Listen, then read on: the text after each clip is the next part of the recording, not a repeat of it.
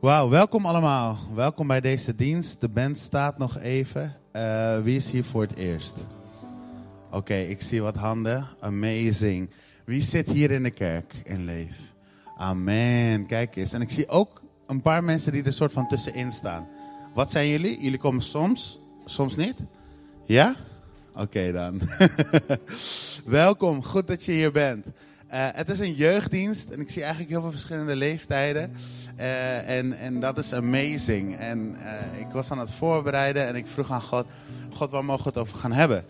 En um, toen werd ik eigenlijk aangestoken door, nou ja, ik zeg het al, aangestoken. Door het thema Burning Fire. En dat betekent zoveel. Het kan zoveel betekenen. Dus we gaan daar zo meteen gaan we daar echt diep op, uh, op in. Maar ik wil voordat we gaan beginnen, wil ik eigenlijk iets met jullie delen. Iets dat mijn hart zo erg beweegt. Um, wie is er wel eens hier in de supermarkt geweest? Oké. Willem, jij niet?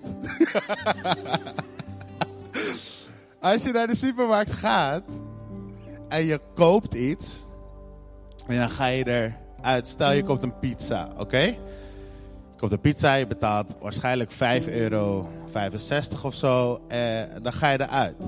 Maar dan ga je toch niet nog een keer terug naar de balie of nog een keer in die hele lange rij staan. Om vervolgens die pizza, diezelfde pizza, weer opnieuw af te rekenen? Of wel? Nee toch? Nee. Zo is het ook met Jezus. Want Jezus heeft een hele hoge prijs betaald. Een prijs betaald voor jouw leven.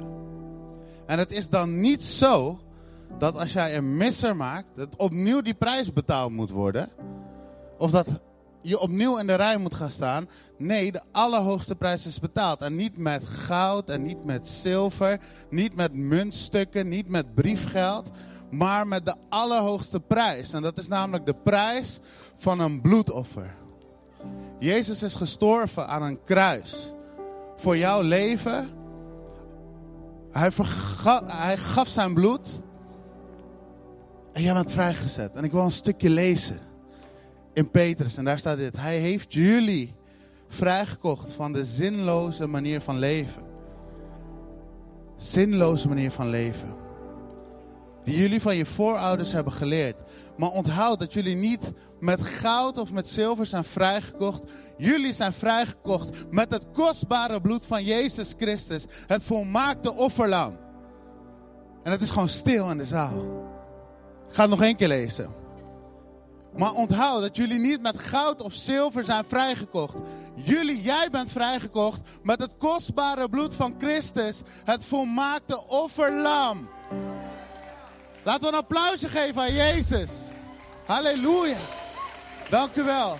En als jij dat gelooft, als jij dat gelooft, mag je vandaag dit gebed bij mij meebidden. Je mag je ogen sluiten, je mag op gaan staan en dan bidden we dit gebed samen. Onze Hemelse Vader, laat alle mensen, inclusief mij, diep ontzag hebben voor u. Laat uw koninkrijk komen. Laat op aarde worden gedaan wat u wil. Net zoals in de hemel wordt gedaan wat u wilt. Geef ons vandaag het eten dat we nodig hebben. Vergeef, vergeef ons wat we verkeerd hebben gedaan. Net zoals wij ook de mensen vergeven die verkeerd tegen ons doen. En stel ons niet op de proef, maar red ons van het kwaad. Want van u is het koninkrijk. En alle kracht. En alle macht. En alle hemelse majesteit. Tot in eeuwigheid. Amen. Yes, applausje. Um, er zijn zieken bij ons vandaag. En ik wil Nathalie uitnodigen om naar voren te komen. Nathalie, we gaan voor je bidden. Um, zou iemand een stoel even neer kunnen zetten? Uh, we gaan voor je bidden, maar wel op een hele speciale manier. Want het is een jongerendienst. En ik wil vragen of uh, degenen die onder de 28 zijn, oké, onder de 30.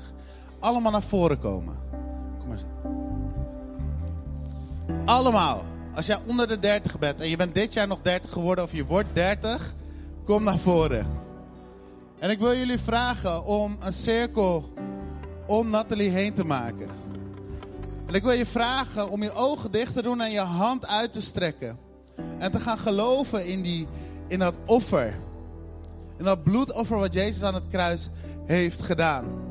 Hij is doodgegaan, het volbrachte werk. Het is volbracht. En in Jezaja staat er, door zijn striemen is er genezing gekomen voor jou. En je bent gereinigd van al je ongerechtigheid. En Nathalie, ik ga zo meteen mijn hand op je hoofd leggen, als je dat goed vindt. Uh, waar is Oceaan? Nog een beetje olie.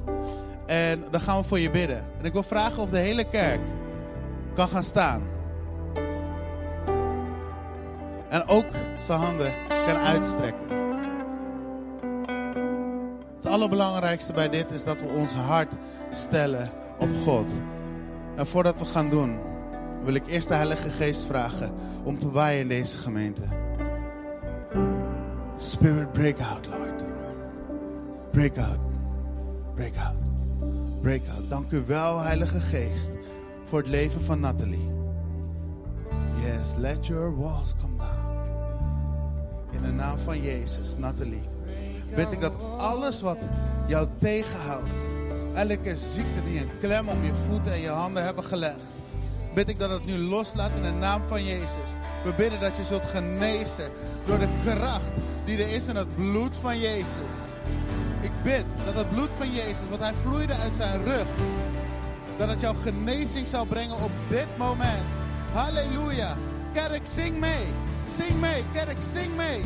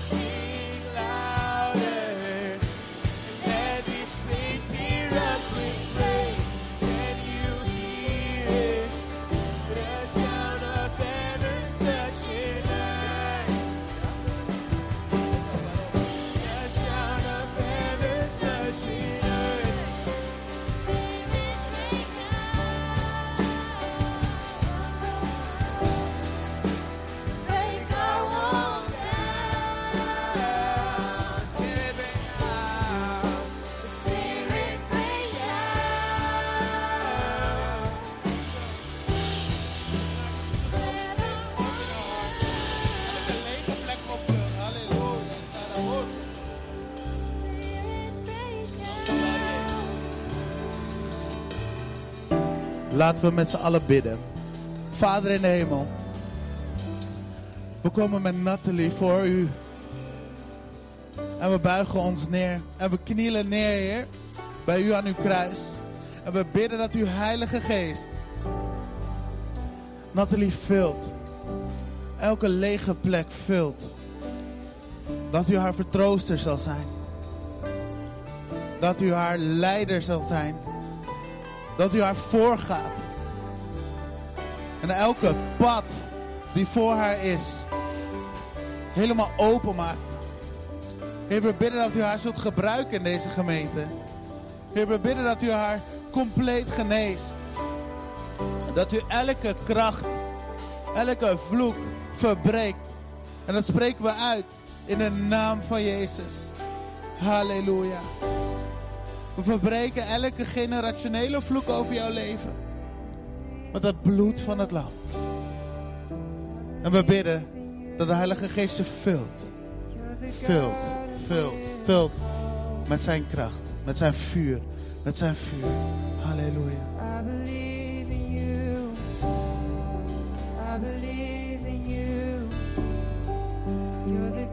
Halleluja. Alles brandt. Er is heel veel hitte in je hoofd. Oké jongens, zullen we een applausje geven aan Jezus. En God danken. Laten we God even groot maken. Dank u wel Jezus dat u koning bent boven koningen. Dank u wel dat u houdt van Nathalie. Dank u wel God dat u uw eigen geboren zoon heeft gegeven als offer voor Nathalie's leven. Nathalie, we zegenen je met kracht, met vernieuwde kracht. Want wie op de Heer zijn hele leven put, zult nieuwe kracht krijgen. En Jezus naam, we zegenen je met nieuwe kracht, nieuwe energie. Amen.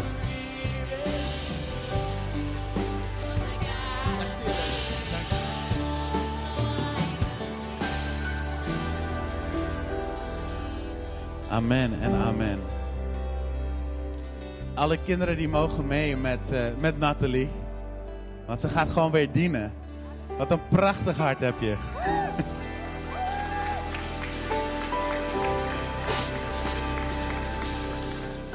Halleluja. Jullie mogen gaan zitten.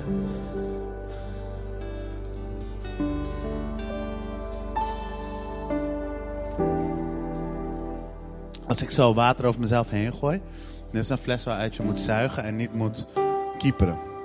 Dus eh sta niet versteld.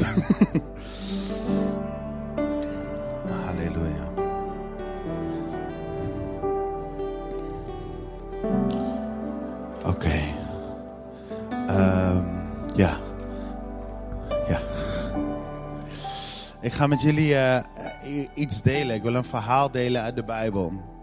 Een verhaal dat als we die vaak lezen, dat eh, we eigenlijk kijken naar het wonder. We kijken naar het wonder van God in dit verhaal.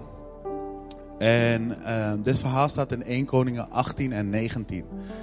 En ik ga er even doorheen en ik ga een aantal dingetjes eruit halen. En dat lees ik dan voor. Dus je mag helemaal meelezen vanaf vers 20. Ehm, maar ik ga gewoon dus dingetjes eruit halen. Dus weet dat ik niet een heel verhaal ga lezen. Het gaat namelijk over Elia. Wie kent Elia? En Elia doet zo'n groot wonder. Elia doet dat wonder dat er vuur uit de hemel komt. En daar hebben we het vaak over, right? We hebben het vaak in de kerk over dat God groot is en dat er vuur uit de hemel komt. En toen ik dit verhaal aan het lezen was, werd ik eigenlijk geraakt door het hart van God de Vader. Het mooie vind ik aan de Bijbel, en ik hou echt, echt van de Bijbel, dat niet alleen hier in het Oude Testament is een verhaal wat er gebeurt met Elia, wat God doet, maar ook in het Nieuwe Testament. Dus ik zal jullie halverwege ook naar het Nieuwe Testament brengen, naar een verhaal die gelijkwaardig is naar wat Jezus doet. En Elia wordt geroepen door God. En hij heeft een positie. En zijn positie was om een profeet te zijn. Hij ontving van God dat, het, dat hij moest profiteren. Dat het drie jaar niet zou regenen. En dat God dat zou doen. En het zou drie jaar niet regenen. Het zou voor een hele lange tijd niet regenen. Dus het was enorm droog in Israël. En er was een koning. En die koning heette koning Agab. En hij had een vrouw. En die vrouw heette Izebel. En deze twee personen, die, die zijn een beetje slecht. Maar Elia, wat doet Elia? Elia die, eh, die gaat op weg en hij doet een aantal dingen voor God. En eh, op een gegeven moment dan, dan, ehm, dan krijgt hij de opdracht om naar Israël toe te gaan en te vertellen aan koning Agab dat hij eraan zou komen. Alle profeten in die tijd waren doodgemaakt. Of in ieder geval, ze waren verstopt. Als je het hele verhaal wil kennen, lees het. Het is een heel bijzonder verhaal. En toen gebeurde het dat Elia op een gegeven moment daar kwam en dat er een heleboel aanbidders waren van de Baal. En de Baal was een god die eh, voor verschillende dingen staat. In ieder geval, het was een god van regen en vruchtbaarheid. Hm. Grappig hè? Want het regende drie jaar niet, dus hij was waarschijnlijk weg. Of hij was iets aan het doen wat niet helemaal klopt. hij was op vakantie inderdaad. En Elia, die, die, die wandelde met God en hij kreeg een enorme eh, eh, roeping eigenlijk om daar wat tegen te doen. Dus wat zegt hij? Hij zegt tegen die profeten van de Baal, zegt hij, welke God de ware God is, die zal antwoorden met vuur uit de hemel. Zo, dan zeg je nog wel wat. We zeggen, God, God, als u echt wil antwoorden, antwoord dan met vuur uit de hemel. Oeh, ik zou niet durven.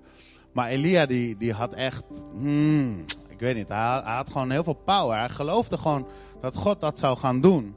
En het mooie is dat op een gegeven moment, er staan al 450 Baal-aanbidders staan, staan aan voor hem. En in Nederland zijn we dat niet heel erg gewend. Hoe dat is om een afgod op die manier, zoals zij dat doen, om dat, om dat te vereren. Ik bedoel, in Nederland hebben we niet hele grote beelden van goden.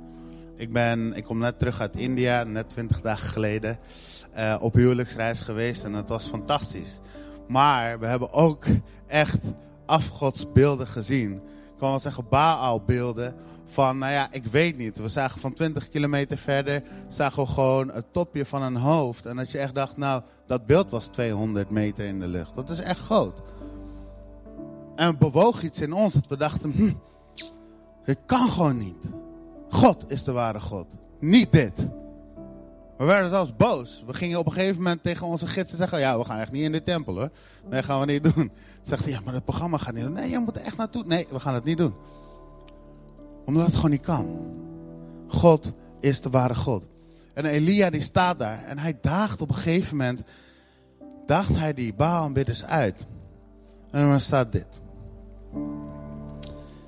Ze kwamen bij elkaar en op de berg Karmel. Dus ze waren op een berg. En Elia stapt naar voren en zegt het volgende. Als de Heere God is, volg hem. Maar als de Baal het is, volg hem. Maar het volk antwoordde hem niet één woord. Ik kan me voorstellen dat die mensen zo overtuigd waren van het feit dat de Baal een ware God was. Maar Elia was alleen tegen 450 Baal-aanbidders. Dus vervolgens moesten ze gaan offeren. En Elia stelde voor om een offer te maken. Ik ga niet alle inhoud delen, maar een offer te maken en uiteindelijk dat op hout te leggen. En dan te bidden naar God. En wat gebeurde er toen? toen gingen de Baal-aanbidders die gingen, gingen bidden naar hun God. En dat duurde maar lang. En lang en lang en lang. Tot op een gegeven moment dat Elia zegt in vers 27. En dat gebeurde tijdens de middag. Dat Elia met hen begon te spotten. En hij zei, roep met een luide stem. Hij is immers een God, met een kleine g. Hij is vast in gedachten. Of hij heeft zich vast afgezonderd. Of is hij vast op reis? Misschien slaapt hij wel. Dan moet hij wakker worden. Kan je je voorstellen? In je eentje tegen 450 mensen. Helemaal gek. En Elia wordt hier een beetje dus hoogmoedig. Hier gebeurt het in zijn hart. Wat eigenlijk niet mag komen. Maar wat gebeurt er met God? Is God is trouw. God liep met Elia. Willem zei het net al. Hij liep met de Heilige Geest. Hij kon Gods stem verstaan. En hij wist over de geestelijke realiteit. En het gebeurde, staat er. Dat Elia een altaar in de naam van de Heer maakte. Het offer werd op het hout gelegd. En hij bidt het volgende gebed. Elia, zijn gebed was dit. En het gebeurde toen men het graanoffer bracht, dat de profeet Elia naar voren kwam en zei, Heere, God van Abraham, Isaac en Israël van Jacob. Laat het heden bekend worden dat u God bent in Israël en ik uw dienaar en dat ik al deze dingen overeenkomstig uw woord heb gedaan. Antwoord mij, Heere, antwoord mij, zodat dit volk weet dat u Heere, de ware God bent en dat u hun hart tot inkeer gebracht hebt. Toen viel er een vuur van de Heere neer. Het verteerde het brandoffer, het hout, de stenen en het stof. Zelfs het water in de gul likte het op. Toen heel het volk dat zag, wierpen zij zich met hun gezicht ter aarde en zeiden: De Heere is God, de Heere is God. Amen. En dat is een bijzonder wonder. En ik weet niet of jullie wel eens in je leven zoiets hebben van: Oh, God, ik heb een wonder nodig. Ik heb het nodig dat u een wonder doet in mijn leven. En Elia stond hier op dit moment vol vertrouwen voor alles wat in hem zat. Zei hij, God, laat uw vuur dan maar komen. En hij bad dit gebed en God antwoordde. En halleluja dat God antwoordde. Prijs hem. Maar toen was iemand niet blij met Elia. En dat was Izebel, de vrouw van koning Agab. En wat gebeurde er? Is zij zei, ik ga jou doden. En zij stuurde een bode naar Elia om dat te vertellen. En Elia werd bang. En Elia rende weg. Hij rende naar de woestijn. Hij ging op een gegeven moment bij een bremstruik, ging die zitten en hij bad een gebed. Hij bad het gebed, God laat mij sterven. Hoe kan dat? Hoe kan het dat Elia een wonder doet en vervolgens naar God bidt, laat mij sterven. Ik wil niet meer verder. Ik kan niet meer, want iemand heeft een doodsvonnis op mij. Er was ruimte in Elia's hart om dat vonnis toe te laten, om naar binnen te komen. Hoe dan? Omdat Elia deed een wonder, God deed een wonder, maar hij was heel erg vol van zichzelf. Als Elia wist wie hij was en waarom God hem had geroepen, dan zou hij nooit tegen Izebel ingaan, want dan wist hij dat God hem zou beschermen. En hij zit daar bij die bremstruik. Depressief en eenzaam. Ah, ik heb het zo te doen met hem. En God stuurt een engel. En die engel zegt, hier heb je wat te eten. Hij geeft hem te eten. God zorgt nog voor Elia. Ook al zondigt hij.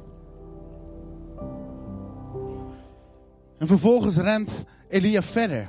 Hij gaat weg. En hij gaat naar een berg en hij zit in een grot. Elia had ruimte overgelaten in zijn hart. En toen ik dit aan het bestuderen was, toen moest ik denken aan een vers die staat in Johannes 10, vers 10. Dat de duivel komt om te stelen, om te slachten en om te vernietigen. Dat is zijn strategie. Maar Jezus is gekomen om eeuwig leven te geven. Dat is de hele vers. En in Elia's hart was er ruimte om die leugen toe te laten. Om die leugen toe te laten zodat hij depressief werd, zodat hij zich eenzaam voelde, zodat hij ging zitten bij die bremstruik. Letterlijk, de symbolische betekenis van een bremstruik is eenzaamheid en dood. Is het in het Hebreeuws. En het mooie is dat hij helemaal alleen zit, gevlucht. En ik wil jou bemoedigen met dit. Als jij door een depressieve periode gaat, dan probeert de duivel je te isoleren en je alleen te laten voelen. Als er dingen in je leven gebeuren die eigenlijk niet horen te gebeuren, keer op keer kom je teleurstellingen tegen, dan gaat de duivel je proberen te ontmoedigen, zodat je niet volledig in je bestemming gaat wandelen. Wanneer jij teleurstellingen meemaakt omdat mensen vervelend tegen je doen of leugens over je uitspreken, dan probeert de duivel jou daarin te laten geloven. Maar er is één waarheid, een kern, een tekst die jullie allemaal kennen. Ik geloof het. Dat is namelijk dat er staat in Psalm 23. Ook al ga je door een diep dal voor schaduw en dood. Ik zou geen kwaad vrezen, want u bent met mij. Het maakt niet uit. Het leven is niet, oh je komt op aarde en het is helemaal goed. Oh je komt op aarde en je wandelt met God en bam, wow, wonder hier, wonder daar, wonder daar. Hey, de ene geneest. Ja, dat lezen we allemaal. Maar dat is niet hoe het werkt. We moeten niet van wonder op wonder op wonder leven. Nee, hoe meer we gefundeerd worden in Christus Jezus, dan zullen wonderen en tekenen ons navolgen. Maar als wij iets open hebben, een zonde in ons leven, dan komt de duivel binnen. En als er een aanklacht is op jouw leven, dan zul je daarin gaan geloven. En dan zul je net zo hard wegrennen als dat Elia deed. Om te zitten bij een bremstruik, om te zeggen, God, neem mijn leven, want ik zie het niet meer zitten. Maar God heeft jou leven en overvloed gegeven. Maar daarvoor staat er wel, de duivel komt om te stelen, om te slachten en om verloren te laten gaan. Hij wil dat jij doodgaat. Want dan heeft hij gewonnen. Maar Jezus, en daar begonnen we vandaag mee, heeft al die prijs voor jou betaald aan het kruis. Volledige prijs om jouw ziel. Dus die leugen die in je hoofd zit van ik wil dood, dat is een leugen, dat is geen waarheid. Want Jezus heeft al voor je betaald. Je hebt al eeuwig leven ontvangen. Nu en voor altijd. Het moment dat je Jezus aanneemt in je leven, is het voor nu en altijd. Oh, ik hou van het woord, hè? Amen. En dan zien we hier het hart van God. Elia ging naar een berg, naar een rots. En hij ging daar schuilen. Hij was helemaal ver weg gegaan. En dat zijn vaak de dingen die wij doen in dit leven. Laten we zelf onze uitweg gaan vinden. Oh, God heeft niet gesproken voor deze studie, dus weet je wat, ik ga economie doen. Na een jaartje, bam, ga je weg. Voor economie. Oh, maar ik ga toch wel voor verpleegkundige doen. Nee, toch niks voor mij. En uiteindelijk heb je tien studies gedaan. En dan vervolgens heb je een 60.000 euro studie, studieschuld. En uiteindelijk geen diploma. Dus je had gewoon beter kunnen bidden en vasten van tevoren en kunnen vragen: Oh God, wat wilt u? Oh, u wilt dat ik dit ga doen? Oké, bam, vier jaar klaar. Hé, hey, je hebt je diploma. Ik ben daar een voorbeeld van. dus daarom noem ik hem even. Als je dingen op eigen kracht gaat doen, dan kom je in die grot terecht. En dan zie je niks meer. En er staat dan dit. Maar, de maar hij zei: Ga naar buiten. God zeg ik tegen Elia: Ga naar buiten. En ga op de berg staan voor het aangezicht van de Heer. En zie, de Heer ging voorbij. En een grote, sterke wind, die bergen spleet en rotsen in stukken brak. Voor het aangezicht van de Heer uit. Maar de Heer was niet in de wind. Na deze wind kwam er een aardbeving. Maar de Heer was ook niet in die aardbeving. En op de aardbeving volgde een vuur, maar de Heer was ook niet in het vuur. En na het vuur kwam het suizen van een zachte stilte. En het gebeurde toen Elia dat hoorde, dat hij zijn gezicht met zijn mantel omwikkelde, naar buiten ging en in de ingang van de grot bleef staan. En zie, een stem kwam tot hem, die zei, wat doet u hier, Elia? God was niet in dat wonder van dat vuur wat uit de hemel kwam. God is niet op elke conferentie om jou maar eruit te halen. God is niet in die grootste dingen die allemaal gebeuren in jouw leven. God is in de stilte. God ontmoet jou op de plek waar je bent achtergebleven. God ontmoet jou op die berg. Elia stond op de berg, op de Mount Carmel, op de berg Carmel. En hij was daar en hij staat nu ook hier op een berg. Daar deed hij een wonder. Hier ontmoet hij God. Daar was hij achtergebleven, want hij rende vandaar weg. Om niet gewoon te doen wat God van hem vroeg. Maar God ontmoette hem precies op de plek waar hij was achtergebleven. Hij rende weg voor God. En God ontmoet hem.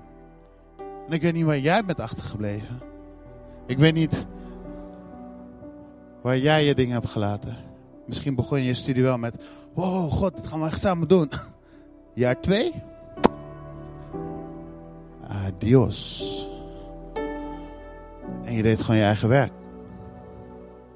Misschien ben je net zoals Elia keihard gaan wegrennen. En het mooie vind ik.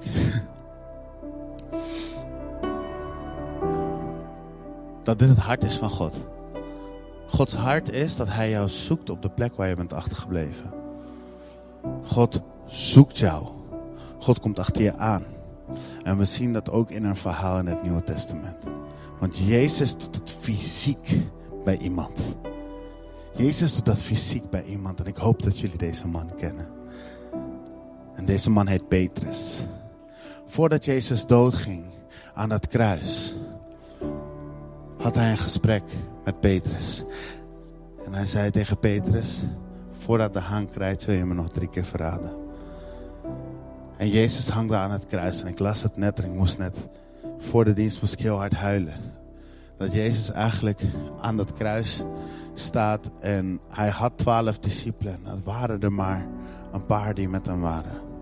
De rest was weggerend, was bang. En Petrus stond bij een kolenvuur, stond hij zijn handen te warmen. En dan vraagt iemand, hé, hey, jij bent toch die ene die met Jezus wandelde? En hij zegt gewoon nee. Hm. Hij zegt gewoon nee. En er komt nog iemand naar hem toe en zegt, ja, maar jij bent het toch? Jij, jij liep toch met Jezus? En hij zegt nee. En het gebeurt weer. Hij stond gewoon zijn handen te warmen. Bij een kolenvuur. En Jezus wordt gemarteld en die staat aan dat kruis. En hij gaat dood. En hij staat op uit de dood. En dan lezen we het volgende in Johannes.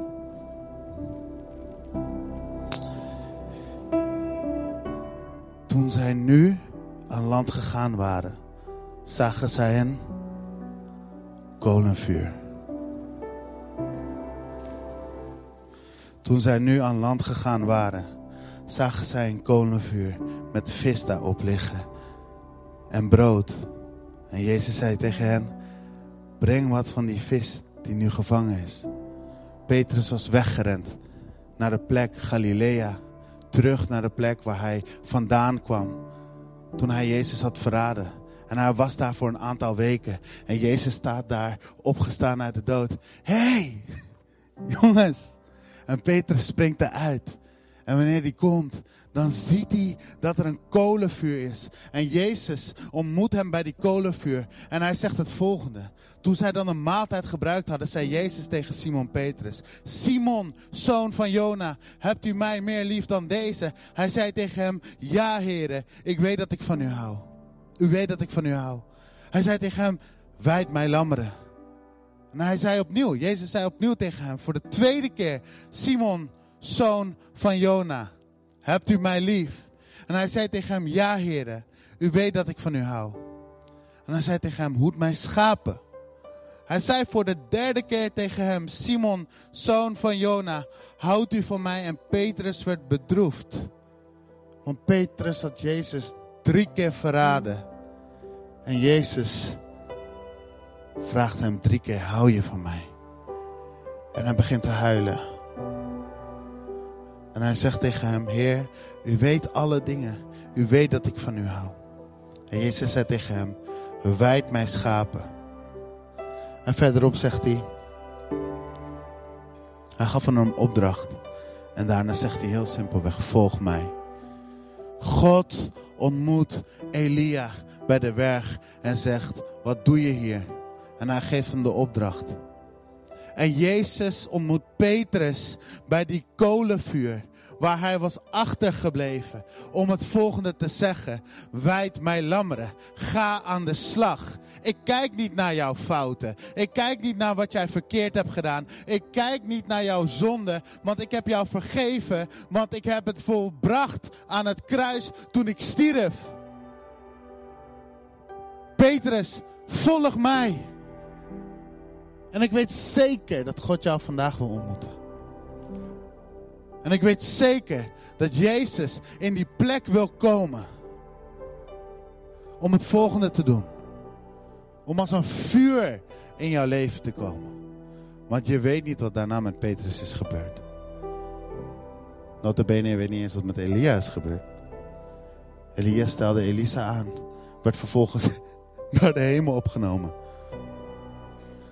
Wat gebeurde er met Petrus? Petrus was de rots. Hij zondigde, ja. Hij verraadde Jezus, ja. Och, je wil niet weten wat hij nog meer heeft gedaan. Hij heeft zoveel vreselijke dingen gedaan. Lees de Bijbel, dan zul je het zien.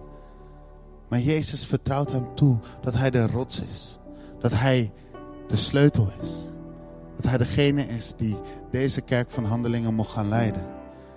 Hij werd uiteindelijk iemand die ging spreken over diezelfde liefde waar Jezus het over had. Lees 1 Petrus en 2 Petrus. Wauw, je leest het is zo fantastisch, jongens. God wil jou ontmoeten op die plek. En ik wil je vragen om te gaan staan.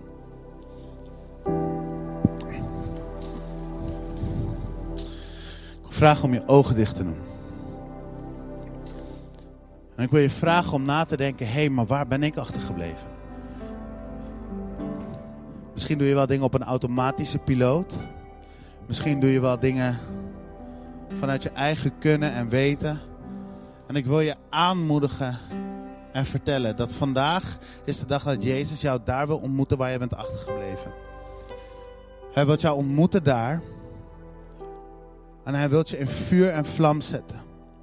Want waar het om gaat, als we het hebben over burning fire, gaat het niet over het wonder, maar gaat het over het hart van God dat in jouw hart brandt. Het vuur van God dat in jouw hart brandt. Die liefde van God die in jouw hart brandt. Ben jij achtergebleven dat je een verkeerd beeld hebt van je ouders? Ben je achtergebleven op een plek dat je eigenlijk geen richting meer weet? Ben je achtergebleven op een plek waar je eigenlijk helemaal niet had moeten zijn? Ben je hard gaan rennen? Als jij het gevoel hebt dat jij dat bent, dan wil ik je vragen om hier voor te komen. Dan wil ik voor je bidden. En ik ga heel kort maar bidden. Ik ga bidden dat de Heilige Geest je vult. En je vuur en vlam zet. En ik ga diezelfde vraag stellen. Wat doe je hier? En volg Jezus. En ik wil je gewoon vragen om naar voren te komen. Om hier op een rij te komen staan. Als jij voelt.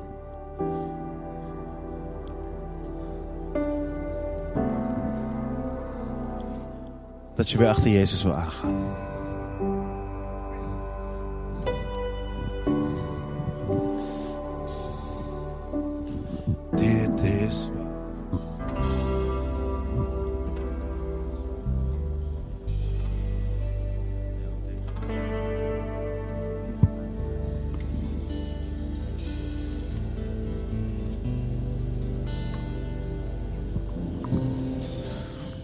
Je ogen maar lekker dicht. En als jij het bent en je zit nog steeds op je plek en je denkt eigenlijk, hé, ik moet naar voren, wil ik dat je je hand opsteekt.